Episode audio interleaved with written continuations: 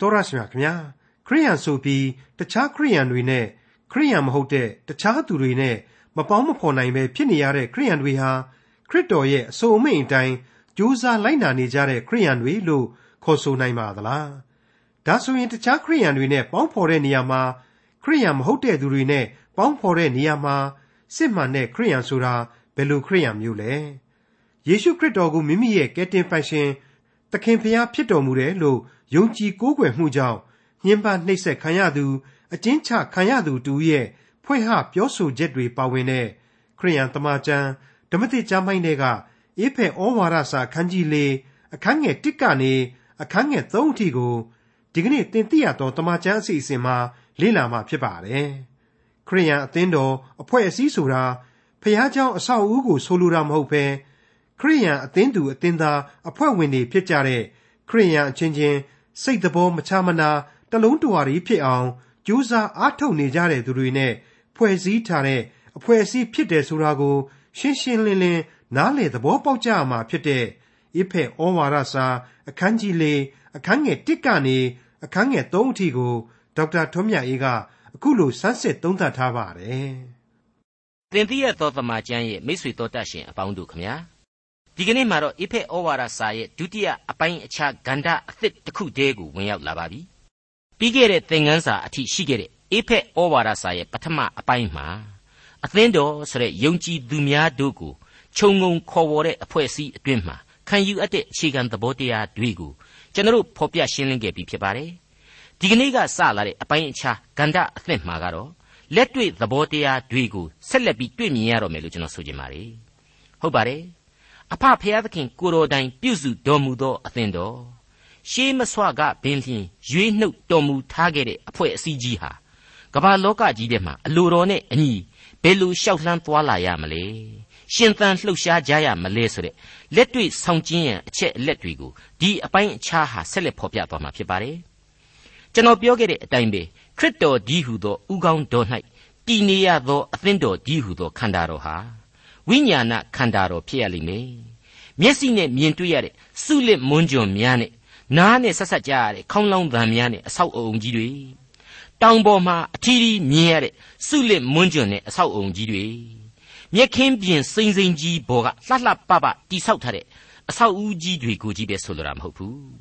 လူသားတို့ရဲ့သာမန်မျက်စိနဲ့မမြင်ရတဲ့အသင်းတော်သို့မဟုတ် invisible church ခေါ်တဲ့အသင်းတော်ကိုဆိုလိုတာပဲဖြစ်တယ် အဲ့ဒီအသင်းတော်ဟာဝိညာဏအင်အားများနဲ့အပြည့်အဝရှိသောဝိညာဏအသင်းတော်ဖြစ်ရလိမ့်မယ်ဆိုတဲ့အချက်ကိုမိษွေတို့မျက်ခြေအပြတ်မခံကြပါနဲ့ကောင်းပြီဝိညာဏအသင်းတော်ဟာလူမနီးသူမနီးနေရမှာလားဆိုတော့လည်းမဟုတ်ပြန်ဘူးအဲ့ဒီအသင်းတော်ဟာဘာပဲဖြစ်နေနေကမ္ဘာလောကကြီးတဲ့ကအသင်းတော်သာဖြစ်တာမဟုတ်လို့ကမ္ဘာလောကကြီးတဲ့မှာပဲတည်နေရမှာဖြစ်တယ် ကမ္ဘာလောကကြီးထဲမှာပဲကောင်းကင်ဘုံမှာကျင်းဝနေတဲ့ဥကောင်းတော်သခင်အလိုကိုဆောင်ကျင်းပြီးတဲ့နောက်လက်တွေ့အသက်တာမှာကျင်လည်ရမယ့်အသင်းတော်သာဖြစ်တယ်ဆိုတာကိုကျွန်တော်အခိုင်အမာနားလည်ထားကြရပါမယ်ဟုတ်ပါတယ်ဒီအသင်းတော်ဟာသက်ရှိလူသားတွေနဲ့သာဖွဲ့စည်းထားတာမဟုတ်ဘူးလားလူသားတွေဟာလောကထဲမှာရှင်သန်ကြရလိမ့်မယ်မဟုတ်ဘူးလားမိษွေတော်တတ်ရှင်အပေါင်းတို့ခမညာအသင်းတော်သည်ခရစ်တော်၌တလုံးတဝသည်ရှိသောခန္ဓာတော် သို့မဟုတ်အသင်းတော်သည်ခရစ်တော်၌ကွဲပြားခြားနာခြင်းအလုံးတို့ကိုဖြိုချပြီးတဲ့နောက်တိဆောက်ထားသောလူသေးဆိုတဲ့အချက်ကိုကျွန်တော်တို့ဟာအေဖက်ဩဝါဒစာပထမအပိုင်းတည်းမှာကြားနာခဲ့ကြပြီဖြစ်ပါတယ်။အခုအပိုင်းမှာကတော့အဲ့ဒီလူသစ်ဟာလက်တွေ့ကြသောလူသစ်ဖြစ်ရပါလိမ့်မယ်။ခရစ်တော်နှစ်သက်မြတ်နိုးတဲ့သူတို့သမီးကညာလို့နှစ်သက်မြတ်နိုးပွေသောအစင်တရံ နှစ်သက်မြတ်နိုးပွေကောင်းလှသောမေတ္တာသစ္စာတရားတို့နဲ့တည်ရှိနေဖို့တော့အထူးပဲလိုအပ်လိမ့်မယ်ဆိုတာကိုတစ်ဖက်ကဖော်ပြပြီးတော့တစ်ဖက်ကတော့ခရစ်တော်ဤလက်ယုံဖြစ်သောသူရဲကောင်းအာဇာနည်ဖြစ်ရပြန်လိမ့်မယ်ဆိုတာကိုပါကျွန်တော်တို့ဟာစက်တိုက်သဘောပေါက်ခံယူသွားကြရပါလိမ့်မယ်။နူးညံ့သိမ်မွေခြင်းတစ်ဖက်ကရှိတယ်။တစ်ဖက်ကတွန်းတွန်းတိုက်တိုက်ရှင်သန်ရသောအသင်းတော်ရဲ့သဘောပေါ့။အေဖက်ဩဝါဒစာရဲ့ဖော်ပြခဲ့တဲ့ပထမအပိုင်းဟာခရိယန်လို့သာကိုယ့်ကိုယ်ကိုသတ်မှတ်နေကြပြီမြဲ အသင်းတော်ဆိုတဲ့အရေးကြီးလာတဲ့ဝိညာဏခန္ဓာကိုယ်ခရစ်တော်ရဲ့ဥကောင်းနဲ့တစ်ဆက်တည်းတည်နေရတဲ့ဝိညာဏအဖွဲ့အစည်းဖြစ်ခြင်းတို့ကိုသဘောမပေါက်ဖဲဖြစ်နေတတ်တဲ့ကျွန်တော်တို့အတွေ့အလွန်မြင့်မတ်တဲ့တောင်တက်လမ်းကြီးတစ်ခုကိုတက်ခဲ့ရတယ်လို့ပဲဖြစ်လိမ့်မယ်လို့ကျွန်တော်ဆိုချင်ပါတယ်တင်စားချင်ပါတယ်ဟုတ်ပါတယ်သင်ငန်းစာတစ်ခုစီတို့ဟာဝတ္ထုတွေနဲ့ဓမ္မရာဇဝင်များလို့မဟုတ်ပါဘူးသိရယုံနဲ့မပြီးဘူးစွဲမှတ်ယုံနဲ့လည်းမပြတ်ဘူးဘ ഹു တုတရယုံလည်းမကဘူး မှတ်သားရင်းနဲ့စင်ကျင်နှလုံးသွင်းရမယ်စင်ကျင်နှလုံးသွင်းရင်းနဲ့ကိုယ်စိတ်ဝိညာဉ်တွေကိုလည်းကိုယ့်ဘာသာကိုပြုပြင်သွားရမယ်ဆိုတဲ့အနှစ်သာရတွေနဲ့ပြည့်နှက်လျက်ရှိနေခဲ့ပါတယ်ဒါကြောင့်မို့လို့လေကျွန်တော်တို့ဟာအဲ့ဒီလိုတောင်တက်လမ်းကြီးနဲ့တူတဲ့အိဖက်သင်္ကန်းစာတွေကိုတဖြည်းဖြည်းလေ့လာသွားခဲ့ရတယ်ကြမ်းတပိုက်တပိုက်ကိုကြာရှည်ကြာညောင်းအောင်လေ့လာခဲ့ရတယ်အသေးစိတ်ဆန်းဆန်းလေ့လာခဲ့ရတယ်အချိန်ယူစဉ်းစားခဲ့ရခြင်းဖြစ်တယ်ဆိုတာကိုမိษွေတို့အထူးသတိပြုမိစေခြင်းပါတယ်အခုအပိုင်းမှာကတော့ ဝိညာဉ်တော်ပို့ဆောင်ရာတောင်ထိပ်ကနေပြီးတော့တခါတောင်အောက်စီကိုတရွေ့ရွေ့ကျွန်တော်တို့ဆင်းသက်လာကြရပြီအစင်းခက်ခက်အတက်ကြမ်းကြမ်းလို့မနှိုင်းသင့်ပေမဲ့ရေပုံရအားဖြင့်တော့အဲ့ဒီသဘောတရားအတိုင်းရှိပြန်လိမ့်အောင်မေတရွေ့ရွေ့တောင်ထိပ်ကိုတက်ခဲ့ပြီးတဲ့နောက်ဘုရားသခင်သိစေခြင်းတဲ့အဖြေတွေကိုရှာဖွေခဲ့ကြတယ်ဝိညာဉ်ရေးခွန်အားတွေကိုရရှိအောင်ခန်းစားရယူခဲ့ကြရတယ်အဲ့ဒီဝိညာဉ်ရေးခွန်အားနဲ့အဖြေတွေကိုကျွန်တော်တို့ဟာမိမိတို့ရဲ့လက်နဲ့စုံအဖြစ်ခံယူပြီးမှ လက်တွေ့လွင်ပြင်ကျဲကြီးတဲ့ကိုအဲ့ဒီတောင်ပေါ်ကနေပြန်ပြီးတော့ဆင်းသက်လာရလိမ့်မယ်ဆိုတဲ့သဘောဒီနေရာမှာပေါ်လွင်လာပါလိမ့်မယ်ဒီတော့ပထမပိုင်းမှာရရှိခဲ့တဲ့အေဖက်ဩဝါဒစာမှဝိညာဏခွန်အားများကိုခံယူလက်တွေ့လွင်ပြင်ကျဲကြီးတဲ့ကိုပြန်ပြီးတော့ဆင်းဖို့ရန်အတွက်မိမိတို့ရဲ့စိတ်နှလုံးများကိုပြင်ဆင်ပြီးတော့နားဆင်ကြည့်ကြဖို့မေတ္တာရက်ခံပါတယ်ဓမ္မသုတေတီတော်တော်များများဟာဓမ္မဟောင်းကျမ်းတွေတဲကယောရှုမှတ်စာနဲ့အေဖက်ဩဝါဒစာကိုကိုက်ညီမှုရှိတယ် တူညီတယ်နှိုင်းဆတိုက်တယ်လို့ပြောတတ်ကြပါတယ်တနည်းအားဖြင့်ကတော့ယောရှုဟာဘိုးဘေးတို့စီမှာချထားခဲ့တဲ့ဗြိညင်တော်တွေကိုသူခင်မှာဘုရားသခင်ကဖြည့်ဆည်းပေးလိုက်ပြီးနောက်မှာသူဟာယော်ဒန်မြစ်ကိုကူးပြီးတော့ဂရိတော်နဲ့အညီအမွေခံစားရခါနန်ပြည်ကိုလက်တွေ့ဝင်ရောက်စီးနှင်းခဲ့ရတယ်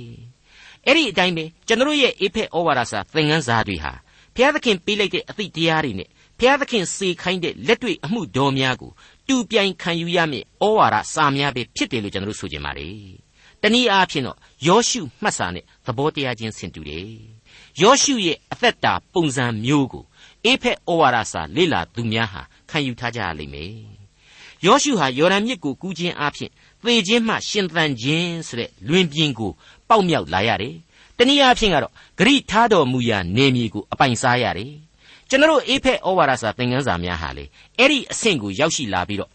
ကျွန်တော်သင်သိရသောတမန်ကျမ်းဟာအေဖက်ဩဝါဒစာရဲ့ဖော်ပြချက်အရာအသက်ရှင်သန်ခြင်းနေမြေရဲ့အလင်းမှာရောက်ရှိနေနှင့်ကြပြီလို့အခုအပိုင်းအခြားမှာကျွန်တော်တို့နှိုင်းရှင်အပ်ပါတယ်ဒီနေရာမှာကျမ်းစာကိုကျမ်းစာချင်းရှင်ပြလိုက်ရင်လေပို့ပြီးတော့ထိရောက်လိမ့်မယ်အေဖက်ဩဝါဒစာသင်ခန်းစာအခန်းကြီး1အငယ်3နဲ့4မှာဘယ်လိုဆိုထားတာကိုမိတ်ဆွေတို့မှတ်မိခဲ့ကြပါသလဲ ကောင်းကင်ဘုံနှင့်ဆိုင်သောအရာတို့၌ခတ်သိမ်းသောဓမ္မမင်္ဂလာတို့ကိုခရစ်တော်အားဖြင့်ပေးသနာတော်မူခြင်းဆိုတာကိုအနှစ်သာရအဖြစ်ကျွန်တော်တို့တွေ့ကြရတယ်မဟုတ်ဘူးလားအဲ့ဒီတိုင်းပါပဲယောရှုမှတ်စာအခန်းကြီး1အငယ်3မှာကျတော့ဘယ်လိုသွားပြီးမြင်ရတယ်လဲဆိုရင်မောရှေအားဂရိရှိခဲ့တဲ့အတိုင်းမင်းတို့နင်းချီနိုင်သမျှသောမြေကိုမင်းတို့ဣသရေလကိုငါပေးသနာတော်မူမည်တဲ့ အဲ့ဒီအချက်ကိုအနှစ်သာရအဖြစ်ကျွန်တော်ယောရှုမှတ်စာမှာတွေ့ကြရတယ်။ဒီတော့ဒီကျမ်းနှစ်ပိုက်ဟာအခန်းကြီး1အငယ်3မှာကြီးပဲဖော်ပြထားတာဖြစ်တယ်။ဝိညာဉ်ရေးအနှစ်သာရများဟာလေအတူတူပဲဖြစ်တယ်လို့ကျွန်တော်ဆိုချင်ပါတယ်။နှုတ်ကပတ်တော်ဟာအဲ့ဒီလောက်ထိအံ့ဩဖွယ်ကောင်းလောက်အောင်အတိတ်ပဲလေးနှစ်ချင်းရှိတယ်။ဖျားသခင်ရဲ့ဝိညာဉ်အရှိန်တကူပြင်းထန်တယ်။အသက်ရှင်သန်ခြင်းရှိတယ်ဆိုတာကိုရှင်းရှင်းလင်းလင်းကျွန်တော်ဖော်ပြခြင်းပါလေ။ခတ်သိမ်းသောမင်္ဂလာများဆိုကြတဲ့က အကျွင့်မဲ့ဂျေဇုတော်ကိုဖော်ပြလိုက်ခြင်းဖြစ်ပါတယ်။အဲ့ဒီအကျွင့်မဲ့ဂျေဇုတော်ကိုပဲယောရှုကနေတဆင့်ဣသရေလလူမျိုးတော်ကိုဘုရားသခင်ဟာရယူစေခဲ့တယ်ဆိုတဲ့အဖြေတွေးဟာကျမ်းနှစ်ခုစလုံးကနေတူပြိုင်ဖော်ပြလိုက်ခြင်းလို့ကျွန်တော်ဒီနေရာမှာသဘောထားပါတယ်။မိတ်ဆွေတော်တတ်ရှင်အပေါင်းတို့အေဖက်ဩဝါဒစာရဲ့အခုအပိုင်းဟာအသက်ရှင်ခွင့်ရဲ့အလေပဟုပဲဖြစ်တယ်။ရှင်သန်ခြင်းတရားကိုယုံကြည်သူတိုင်းခံစားနိုင်ဖို့အတွက်ဖော်ပြခဲ့ပြီးပြီဖြစ်တယ်လို့ကျွန်တော်ပြောခဲ့ပါတယ်နော် အဲ့ဒီလိုကောင်းကင်ဘုံနဲ့ဆိုင်သောမင်္ဂလာများဆိုတာကိုကျွန်တော်ကဘာနဲ့တိုင်းတာရမလဲနှုတ်ကပတ်တော်ဆိုတဲ့စံချိန်စံညွှန်းနဲ့ပဲတိုင်းတာကြရပါလိမ့်မယ်ဟုတ်ပါတယ်အလွန်အလွန်ဘုံတကူတော်နဲ့ပြေဝနေတဲ့ကြီးညာချက်တွေကိုကြည့်ပဲနားဆင်ပြီးတော့နှစ်သိမ့်ကျေနပ်နေုံနဲ့မပြီးပါဘူးရောင်ရဲတင်းတင်ယုံနဲ့လည်းမဖြစ်နိုင်ပါဘူးစိတ်ချမ်းသာလက်ချမ်းသာသဘောမျိုးထားပြီးတော့ကျေနပ်နှစ်သိမ့်နေုံလောက်နဲ့လည်းပြီးပြည့်စုံခြင်းမရှိနိုင်ပါဘူး လက်တွေ့ကြတဲ့အမိန့်တော်တွေဆရာဟာလိုက်လျှောက်ရန်ကြံနေသေးတယ်တာဝန်ပိုင်းရှိနေသေးတယ်ဆိုတာကိုသတိအထူးပြုကြရပါလိမ့်မယ်ဘုံတော်အဖြစ်နှုတ်ဆောင်ခြင်းကိုခံယူရတယ်ဆိုရင်ပို့ဆောင်တော်မူသောလမ်းကြောင်းအတိုင်းလိုက်လျှောက်ဖို့ဆိုတဲ့အေယာမဂန္ဓကြီးကိုဘယ်နည်းနဲ့မှခြံထားလို့မဖြစ်နိုင်ပါဘူးအဲ့ဒီဂန္ဓကြီးကိုအခုအပိုင်းအခြားမှာကျွန်တော်တို့စတင်ဝင်ရောက်လာပါပြီအလွန်အလွန်စိတ်ထားကောင်းမွန်တဲ့ခရိယံမိသားစုကြီးတစုနဲ့ကျွန်တော်အတော်ခင်မင်ရင်းနှီးခဲ့ပူပါတယ် သူတို့ဟာဘုရားသခင်ရဲ့ဂတိတော်တွေကိုယုံတယ်ဘုရားသခင်ရဲ့ကယ်တင်ခြင်းတရားကိုလည်းဘယ်တော့မှစွန့်ပစ်မဲ့လက္ခဏာမရှိပါဘူးယုံကြည်ခြင်းခိုင်မြဲသောမိသားစုပေါ့ဒါပေမဲ့အဲ့ဒီမိသားစုဝင်တွေဟာဥပုံနေမှာအသင်းတော်ကိုမသွားကြဘူးအသင်းတော်ရဲ့တောင်းဝတရားတွေနဲ့လေခက်ကင်းကင်းမဲ့နေကြတာကိုတွေ့ရပါတယ်သေသေးချာစဉ်းစားကြည့်လိုက်တော့သူတို့ဟာဝိညာဏအသင်းတော်ဆိုတဲ့လူသားမျက်စိနဲ့မမြင်ရတဲ့အသင်းတော်အဖြစ်ကိုကိုကိုခံယူထားတယ် အကျင့်တရားအဖြစ်လေအဲ့ဒီလိုပဲမမြင်သာအောင်ကိုဖာသာကိုပဲယုံကြည်ကိုးကွယ်နေကြတယ်ယုံကြည်ခြင်းခွန်အားလည်းအင်မတန်ကြီးတာအမှန်မြင်ရတဲ့လောကအသင်းတော်အဖွဲ့အစည်းနဲ့ကြပြန်တော့သူတို့ဟာဘယ်လိုဘယ်လိုကင်းကွာနေကြတယ်ဆိုတာကိုကျွန်တော်ဟာဘယ်လိုမှသဘောမပေါက်နိုင်ပါဘူးမိษွေအပေါင်းတို့ခမညာအဲ့ဒီအတိုင်းမဖြစ်ရဘူးအခုကျွန်တော်တို့လေ့လာသွားကြရမယ်အေဖက်ဩဝါဒစာအခန်းကြီး၄ကစတဲ့သင်ခန်းစာတွေဟာဝိညာဏအသင်းတော်ဝင်ယုံကြည်သူများကို ကမ္ဘာလောကကြီးထဲမှာလင်းအောင်ဆောင်ကျင်းအမှောင်ခွင်းစေဖို့တိုက်တွန်းလမ်းပြသွားမှာဖြစ်ပါတယ်လက်တွေ့အသက်တာရှင်သန်ရာမေတ္တာဖော်ပြခရိယံဘဝဆိုတာကိုဩဝါဒပြုဖွင့်ဆိုသွားလိမ့်မယ်လို့ကျွန်တော်ဆိုလိုက်ပါရစေလူသစ်ဤသရုပ်တကံဆိုတဲ့ခေါင်းစဉ်ကိုပေးပြီးတော့ပထမဦးဆုံးလေ့လာနိုင်ဖို့အေဖက်ဩဝါဒစာအခန်းကြီး၄အငယ်၁ကိုစတင်နားဆင်ကြည့်ကြပါစို့ရဲ့ခေါ်တော်မူခြင်းကျေးဇူးတော်ကိုသင်တို့သည်ခံရသည်နှင့် အထိုက်အလျောက်ကျင့်ဆောင်မည်အကြောင်းသခင်ဖျားအတွက်ကြောင့်အကျဉ်းခံရသောငါသည်သင်တို့ကိုတိုက်တွန်းနှိုးဆော်ပါ၏အင်္ဂလိပ်ကျမ်းအရဆိုရင် I therefore ဆိုတာကိုရှေ့ဆုံးကတမန်တော်ကြီးရှင်ပေါလုဖော်ပြထားပါတယ်။တနည်းအားဖြင့်ကတော့အထက်ကအေဖက်ဩဝါဒစာကျမ်းသုံးဆောင်စလုံးမှာဖော်ပြပြီးခဲ့ပြီးသည့်အတိုင်းဆိုတဲ့စကားဆက်ကိုဖော်ပြလိုက်ခြင်းဖြစ်ပါတယ်။ ဘုရားသခင်သည်အသင်းတော်ကိုတိဆောက်ပေးခဲ့ပြီးပြီဖြစ်ပါ၍ဆိုပြီးတော့ဏ္ဍန်ပြိုးလိုက်တယ်လို့ဆိုခြင်းလည်းရနိုင်တော့ပါတယ်။အဲ့ဒီတော့ဒီလိုအသင်းတော်ကိုရွေးနှုတ်တယ်။ဘုရားသခင်ဟာတိဆောက်ပေးတယ်။လမ်းပြစောင့်ထိန်ပေးနေတယ်ဒါအပြင်တာဝန်များလဲများမြောင်စွာရှိနေတယ်။ဒါကြောင့်ဒီတာဝန်များအတိုင်းငါဟာထမ်းဆောင်ရင်းနဲ့သခင်ဖျားအတွက်ကြောင့်ငါသည်အကျဉ်းခံလျက်ရှိနေရသည့်အချိန်မှာ သင်တို့ကို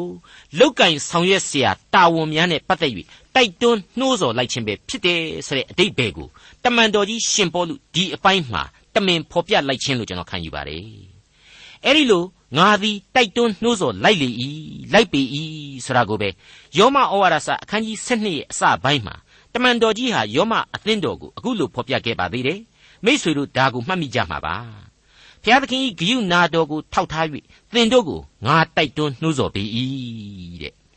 အခုအပိုင်းကျတော့တမန်တော်ကြီးဟာယောမထောင်ထဲကနေအကျဉ်းသားဘဝကနေဩဝါဒစာကိုရေးသားပြုစုရခြင်းဖြစ်တယ်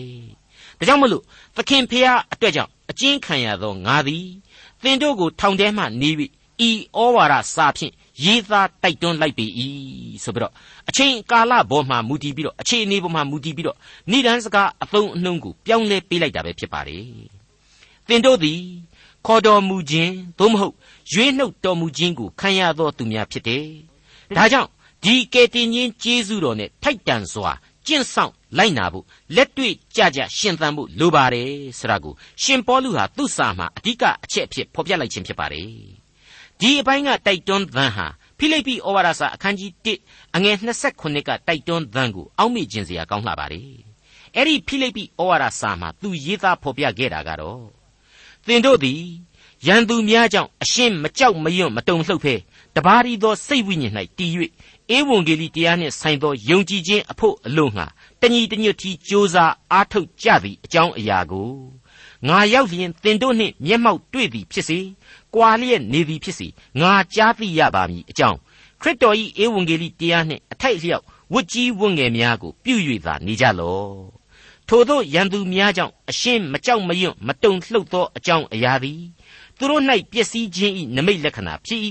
ဖျားသခင်စီရင်တော်မူသောအားဖြင့်သင်တို့၌ကကဲတင်ခြင်း၏နမိတ်လက္ခဏာဖြစ်၏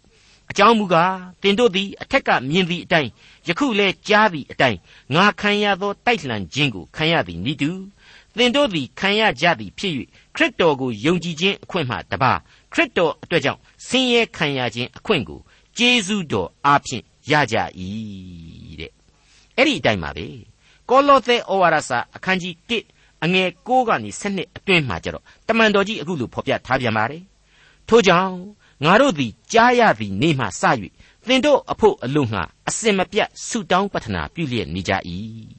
ဆုတောင်းသောအချက်ဟူမူကားသင်တို့သည်ကောင်းသောအကျင့်အမျိုးမျိုးဒီဟုသောအသီးကိုသိခြင်းဘုရားသခင်ကိုသိသောဉာဏ်တိုးပွားခြင်းရှိသဖြင့်၎င်းဝမ်းမြောက်သောစိတ်နှင့်အရာရာ၌သိခံခြင်းစိတ်ရှည်ခြင်းအလို့ငှာဘုံကြီးသောတကိုးတော်အတိုင်းခွန်အားနှင့်ပြည့်စုံသဖြင့်၎င်းခမည်းတော်ဖျား၏ကျေးဇူးတော်ကိုချီးမွမ်းလျက် သခင်ဖျားနှင့်ထိုက်လျောက်စွာကျင့်၍အရာရာ၌နှစ်သက်တော်မူစေခြင်းဟာ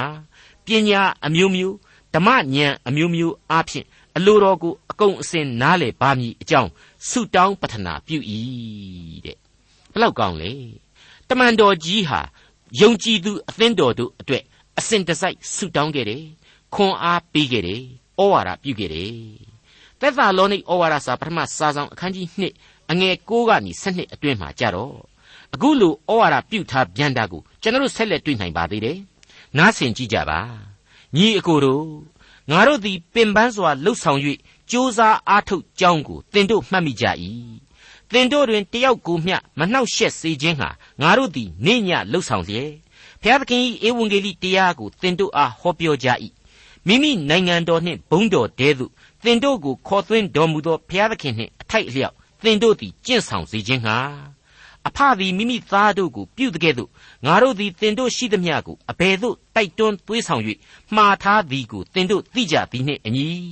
ယုံကြည်ခြင်းသို့ရောက်သောသင်တို့တွင်ငါတို့သည်အဘယ်သို့တန်ရှင်းဖြောင့်မတ်လျက်အပြစ်တင်ခွင့်နှင့်ကင်းလွတ်လျက်နေကြသည်ကိုသင်တို့သည်တက်တည်ဖြစ်ကြ၏ဖျားသခင်သည်လည်းတက်တည်ဖြစ်တော်မူ၏တဲ့မိတ်ဆွေတော်တတ်ရှင်အပေါင်းတို့ခမညာကျွန်တော်ပြောခဲ့တဲ့အတိုင်းပါပဲခံစားရကျေးဇူးတော်ကိုယုံကြည်တယ် ကယ်တင်ခြင်းတရားကိုလက်ခံတယ်ဆိုရင်ခရစ်တော်ရဲ့နောက်လိုက်ခရိယန်တွေဖြစ်လာပြီခရိယန်တွေဖြစ်လာရပြီဆိုရင်ကမ္ဘာလောကကြီးထဲမှာကိုခံစားရကောင်းကြီးမင်္ဂလာနဲ့အညီရှောက်လန်းသွားလာပြီးတော့တာဝန်တွေကိုယူကြရလိမ့်မယ်ငါတို့ကတော့ဝိညာဏအသင်းတော်သားတွေပဲလူမျက်စိနဲ့မမြင်ရတဲ့အသင်းတော်သားတွေပဲဆိုပြီးတော့ကိုဟာကိုကြီးပဲယုံကြည်ခြင်းတည်ရှိနေုံနဲ့မပြီးဘူးဒီယုံကြည်ခြင်းရဲ့အကျင့်ကိုလက်တွေ့ကျင့်ဆောင်ကြရမယ်ဆိုတဲ့အတိတ်ပဲ အကျင့်တရားအချို့တို့ဟာတာဝန်တရက်အနေနဲ့တည်ရှိလာတယ်ဆိုတာကိုလေရှင်ပေါလုဟာဒီအပိုင်းမှာဖော်ပြလိုက်တာပဲဖြစ်ပါတယ်ရှင်ယောဟန်ဩဝါဒစာပထမစာဆောင်အခန်းကြီး1အငယ်9ကနေ9အတွင်းကိုဖတ်ကြည့်ပြန်မယ်ဆိုရင်တမန်တော်ကြီးရှင်ယောဟန်ရဲ့အဆုံးအမတစ်ခုဟာအခုလိုထင်ရှားစွာပေါ်လွင်နေပါတယ်ဒါဟာလေအလွန်မှတ်သားတိုက်တဲ့ဩဝါဒစာမှုလို့မိษွေတို့ကိုကျွန်တော်ဖတ်ပြခြင်းပါတယ်နားဆင်ကြည့်ကြပါထိုနှုတ်ကပတ်တော်ထံ၌ငါတို့သည်ကြားရ၍ သင်တို့အားပြသသောတရားစကားဟူမူကားဖျားသခင်သည်အလင်းဖြစ်တော်မူ၏ဖျားသခင်၌မှောင်မိုက်အရှင်းမရှိငါတို့သည်ဖျားသခင်နှင့်မိသဟာယဖွဲ့ပြီးဟုဆိုလျက်ပင်မှောင်မိုက်၌ကျင်လေလျင်သစ္စာတရားကိုမကျင့်မှုသာကိုသုံးတော်သူဖြစ်ကြ၏ဖျားသခင်သည်အလင်း၌ရှိတော်မူတဲ့ကဲ့သို့ငါတို့သည်အလင်း၌ကျင်လေလျင်အချင်းချင်းမိသဟာယဖွဲ့ခြင်းရှိကြသည်ဖြစ်၍ဖျားသခင်သားတော်ယေရှုခရစ်အသွေးတော်သည်ငါတို့အပြစ်ရှိသမျှကို ဆေးကြောတော်မူ၏မိတ်ဆွေတော်တတ်ရှင်အပေါင်းတို့ခမညာနှုတ်ကပတ်တော်ဒီဟုသောအလင်းသည်ဖျားသခင်၏အလင်းရောင်ပင်ဖြစ်သည်ထိုအလင်းသည်အသက်တရား၏လမ်းညွန်လည်းဖြစ်သည်ဖျားသခင်ကိုယုံကြည်သောသူမြည်သည်ထိုအသက်လမ်းအလင်းတရား၌သာကျင်လည်ရမည်အလင်းတရားဤတာဝန်များကိုဆောင်ကျင်းသွားရမည်ထိုအလင်းတရားကိုဆင်ကဲဆင်ကဲလင်းချင်းစေရမည်ဆိုတာဒီကိုလမ်းညွန်ပေးလိုက်တာပဲဖြစ်ပါတ ယ်မိษွေတော်တတ်ရှင်အပေါင်းတို့ခမညာအေဖက်ဩဝါဒစာအခန်းကြီး3ရဲ့အစမှကတည်းကကျွန်တော်ယုံကြည်သူတွေဟာကျေးဇူးတော်သာသနာအတွင်းမှာယုံကြည်ခြင်းတရားကိုထိတွေ့ခံစားလာရတယ်ဆိုတာကိုကျွန်တော်နားလည်ခဲ့ရပြီးပါပြီဖျားသခင်ရဲ့နည်းနည်းသောအရာကိုတမန်တော်ကြီးများမှတဆင့်အတိတ်ပဲနားလည်ပြီးတော့ကျေးဇူးနဲ့ဂရုနာတော်တွေကိုကျွန်တော်တို့ခန်းစားထိတွေ့လာကြရတယ်ဆိုတာကိုလေနားလည်ခန်းစားခဲ့ကြပြီဖြစ်ပါတယ် အဲ့ဒီလိုဘုရားသခင်ပြုတော်မူသောကျေးဇူးများကိုကျွန်တော်ဟာခန်းစားရခြင်းအပြင်ဒီကျေးဇူးတရားနဲ့ထိုက်တန်တဲ့အလွန်မြင့်မြတ်ပြီးတန်ဖိုးကြီးလာတဲ့အသက်တာလမ်းညွှန်ချက်များကိုပါဆက်လက်ထိတွေ့ခန်းစားရပြန်ပါ रे အဲ့ဒီလမ်းညွှန်ချက်တို့ကိုကျွန်တော်တို့ဟာလေးစားလိုက်နာကြဖို့အထူးလိုအပ်နေတယ်လို့ကျွန်တော်ဆိုချင်ပါတယ်အကျယ်တွင်မြင်နိုင်အောင်လို့အေဖက်ဩဝါဒစာအခန်းကြီး၄အငယ်1နဲ့3တို့ကိုတမန်တော်ကြီးဟာအခုလိုဆက်လက်ဖော်ပြလိုက်ပါတယ်လေ့လာကြည့်ကြပါ အရာရာ၌စိတ်နှိမ်ချခြင်းနူးညံ့သိမ်မွေ့ခြင်းစိတ်ရှည်ခြင်းနှင့်ပြည့်စုံသဖြင့်မေတ္တာစိတ်နှင့်တယောက်ကိုတယောက်တီးခံခြင်းရှိကြ၍အသင့်အတင့်ပေါင်းဖော်ခြင်းအဖွဲ့အစည်းအားဖြင့်သင်တို့သည်အချင်းချင်းစိတ်သဘောမချမနာတလုံးတဝတည်းဖြစ်အံ့သောငါကြိုးစားအားထုတ်ကြလော့ကဲယုံကြည်ရင်ပြီးကြလားမဟုတ်သေးဘူးကဲတင်ချင်းကျေးဇူးတော်ကိုမှိန်ပြီးတော့ခံစားယုံနဲ့စောင့်ချုံပြီးအိတ်နေယုံနဲ့ပြည့်စုံပြီလား မပြည့်စုံသေးဘူးမဟုတ်သေးဘူးအသက်တရားရှိတယ်အလင်းရောင်အောက်မှာတည်နေကြရတယ်ပွင့်လင်းသောရောင်ပြန်ဟတ်နိုင်စွန်းရှိကြရလိမ့်မယ်အဲ့ဒီလိုရောင်ပြန်ဟတ်ပြီးတော့မှကိုယ်စီကားမှတဆင့်မြင်ရမယ်ခရိယန်တို့ရဲ့အရေးအသွေးဒီတဲမှာတော့စိတ်နှိမ်ချခြင်းဆိုတာကိုတမန်တော်ကြီးဦးစားပေးဖော်ပြသွားပါတယ်ဟုတ်ပါတယ်ကျွန်တော်ယင်ထဲမှာအေဖက်အသင်းတော်ဟာအဲ့ဒီခေတ်ကာလမှာစံပြအသင်းတော်ကြီး ယုံကြည်ခြင်းတရားအလွန်တရာခိုင်မာတောင့်တင်းတဲ့အသင်းတော်ကြီးမေတ္တာဝေငှနိုင်သောအသင်းတော်ကြီးဖြစ်ခဲ့လိမ့်မယ်တစ်ချိန်တည်းမှာကျွန်တော်ရဲ့ယင်ထဲကမသိစိတ်ခံစားချက်များအရာအဲ့ဒီလိုယုံကြည်ခြင်းခိုင်မာအားကောင်းတိုင်းနှိမ့်ချခြင်းဆိုတဲ့အပိုင်းမှာအားများနဲနေခဲ့ကြလေသလားလို့တွေးမိပါတယ်။ဘာဖြစ်လို့ကျွန်တော်ဒီလိုတွေးမိတယ်လဲဆိုရင်တော့ကျွန်တော်ကိုယ်တိုင်ယောဘဝတ္ထုသင်ခန်းစာတွေထဲမှာဖော်ပြခဲ့ဘူးတဲ့အချက်တစ်ချက်ကြောင့်ပါ။အဲ့ဒါကတော့တခြားမဟုတ်ပါဘူး။ လူသားဟာအတော်ဆန်းကျယ်တဲ့တ attva ပဲ။ယုံကြည်ခြင်းတရား၌ပင်လျင်တွေ့ရတတ်သောမာနစိတ်ဆရာဟာလူသားတွေစီမှာရှိတတ်တယ်ဆိုတဲ့သစ္စာတရားကိုကျွန်တော်ဒီနေရာမှာပြန်လည်သတိရမိပါတယ်အဲ့ဒါကြောင့်မို့လို့ကျွန်တော်အေးဖက်အသင်းတော်နဲ့ပတ်သက်ပြီးတော့အခုလိုဝေဖန်မိခြင်းပါမိษွေအပေါင်းတို့ခမညာယောဘရဲ့အသက်တာလို့ပြေဝစုံလင်လှပါတယ်ဆိုတဲ့လူကြီးစီမှာထင်ရှားစွာကျွန်တော်တို့တွေ့ကြရပြီးတဲ့နောက် အဲ့ဒီမာနတရားကြောင့်လေယောဘစီကနှိမ့်ချခြင်းရဲ့နောင်တနဲ့ကျိုးပဲ့ကြေမွသောနှလုံးသားစိတ်အစဉ်တို့ရဲ့ကိုဖျားသခင်ဟာလိုချင်တယ်ဒါကိုယောဘဟာသဘောကိုကိုမပေါက်နိုင်ခဲ့ဘူးဖျားသခင်ရဲ့အကြောင်းကိုသိမလို့လို့သိမလို့လို့နဲ့သူရဲ့သူ့မိတ်ဆွေကြီးတွေရဲ့ဟာမသိခဲ့ကြဘူးဆိုတာကိုယောဘဝတ္ထုမှာကျွန်တော်တို့အထင်အရှားတွေ့မြင်နိုင်ခဲ့ပါတယ်ကျွန်တော်လည်းအသေးစိတ်ရှင်းလင်းဖော်ပြခဲ့ပြီးဖြစ်ပါတယ်မိတ်ဆွေအပေါင်းတို့ခမညာအဲ့ဒီအချက်ကြောင့် အလွန်ယုံကြည်ခြင်းအားကောင်းမွန်လှပါတယ်ဆိုတဲ့စံပြအသင်းတော်ကြီးအေးဖက်သာမကမျက်မှောက်ခေတ်ကာလကျွန်တော်တို့အသင်းတော်တိုင်းအတွက်လေဒီဩဝါဒစာဟာအလွန်ကောင်းမွန်တဲ့ယုံကြည်သူတို့အတွက်အသက်လမ်းညွှန်များဖြစ်နေပြီလို့ကျွန်တော်ခံယူပါတယ်ဒီကနေ့အဖို့တမန်တော်ကြီးရဲ့တိုက်တွန်းနှိုးဆော်ချက်အပေါင်းတို့ဟာကျွန်တော်အားလုံးအတွက်လက်တွေ့နေပယ်မှာရှင်သန်နေသောလမ်းညွှန်များဖြစ်တဲ့အတွက်ကြောင့်မမေ့အပ်သောကြံများဖြစ်တယ်ဆိုပြီးတော့ကျွန်တော်ပြန်လဲတင်ပြခြင်းပါတယ် တမန်တော်ကြီးရှင်ပေါလုရဲ့စိတ်အဆင့်မှလေဒီသင်ခန်းစာများကိုမျက်မှောက်ခေအသင်းတော်ဝင်သူကျွန်တော်ယုံကြည်သူများအားလုံးဟာလိုက်နာစီခြင်းနဲ့ဆန္ဒပြင်းပြင်းပြပြရှိခဲ့လိမ့်မယ်ဒါရင်မကဘူးတမန်တော်ကြီးရဲ့ဩဝါဒစာများရဲ့နောက်ွယ်ရနေပြီးတော့ကောင်းကြီးမင်္ဂလာသွန်လောင်းချထားပေးလိုက်တဲ့တန်ရှင်းသောဝိညာဉ်တော်ဟာကျွန်တော်ယုံကြည်သူများကိုဒီအတိုင်းပဲကျင့်သုံးစေခြင်းလိမ့်မယ်ပြုတော်မူသောကျေးဇူးတော်ခံစားရကယ်တင်ခြင်းတရားများကို ရှင်သန်ရသောအသက်တာတစ်လျှောက်လုံးမှာလက်တွေ့ကျင့်စဉ်များအဖြစ်ပြောင်းလဲကျင့်သုံးစေခြင်းလိမ့်မယ်လို့ကျွန်တော်လေးနဲ့စွာခံယူမိပါတယ်ထိုအကြောင်းကြောင့်ငါပေါလုသည်ယေရှုခရစ်နှင့်ဆက်ဆိုင်သောအားဖြင့်အကျဉ်းခံရ၏သင်တို့အကျိုးကိုထောက်၍ငါအားအပ်ပေးတော်မူသောဘုရားသခင်၏ကျေးဇူးတော်သာသနာကိုသင်တို့ကြားသိရသည်နှင့်အညီ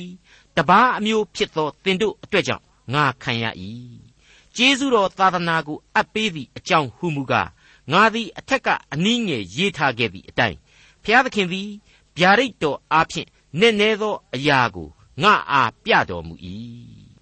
မိတ်ဆွေတော်တတ်ရှင်အပေါင်းတို့ခမညာနည်းနည်းသောအရာဖြစ်တဲ့ဘုရားသခင်ရဲ့ကယ်တင်ခြင်းကျေးဇူးအသင်းတော်တို့အပေါ်မှာပြုတော်မူသောရွေးနှုတ်ခြင်းကယ်တင်ရှင်သခင်ခရစ်တော်၌တလုံးတဝတည်းတည်ရှိစေခြင်း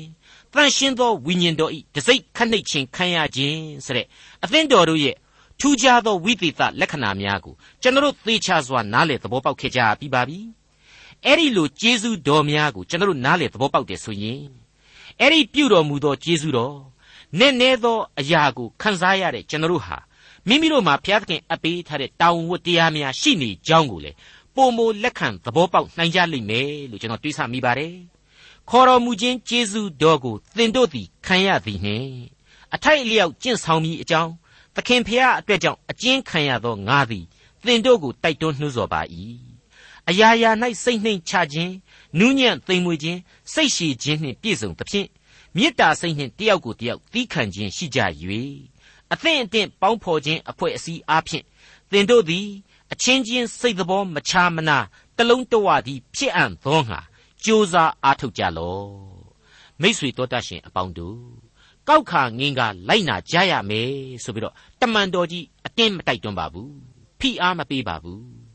အားထုတ်ကြိုးစားကြပါဆိုတဲ့အချက်ကိုဖော်ပြထားပါတယ်အင်မတန်သိမ်မွေ့နူးညံ့တဲ့တိုက်တွန်းနှုတ်ဆော်ချက်ပါယုံကြည်သူလူသားတို့အနေနဲ့သိခက်ခဲစရာမရှိလာပါဘူးဖျားသခင်ရဲ့ဝိညာဉ်တော်ကိုသာအားကိုးမယ်ဆုတောင်းအသက်ရှင်ကြမယ်ဆိုရင် ဒီခွန်အားများနဲ့ပြည့်ဝလာမှဖြစ်ပြီးတဲ့နောက်ဒီလိုပြည့်ဝလာတဲ့ခွန်အားတွေကိုထုတ်ယူသုံးဆွဲဖို့သာရှိတဲ့အကြောင်းလေးစားစွာတင်ပြလိုက်ပါရစေဒေါက်တာထွန်းမြတ်၏စီစဉ်တင်ဆက်တဲ့တင်ပြတော်တမချန်းအစီအစဉ်ဖြစ်ပါတယ်နောက်တစ်ချိန်အစီအစဉ်မှာခရိယန်တမချန်းဓမ္မသစ်ကျမ်းပိုင်းတွေကဧဖက်ဩဝါဒစာအခန်းကြီး၄အခန်းငယ်၄ကနေအခန်းငယ်6အထိကိုလေ့လာမှာဖြစ်တဲ့အတွက်စောင့်မျှော်နားဆင်နိုင်ပါတယ်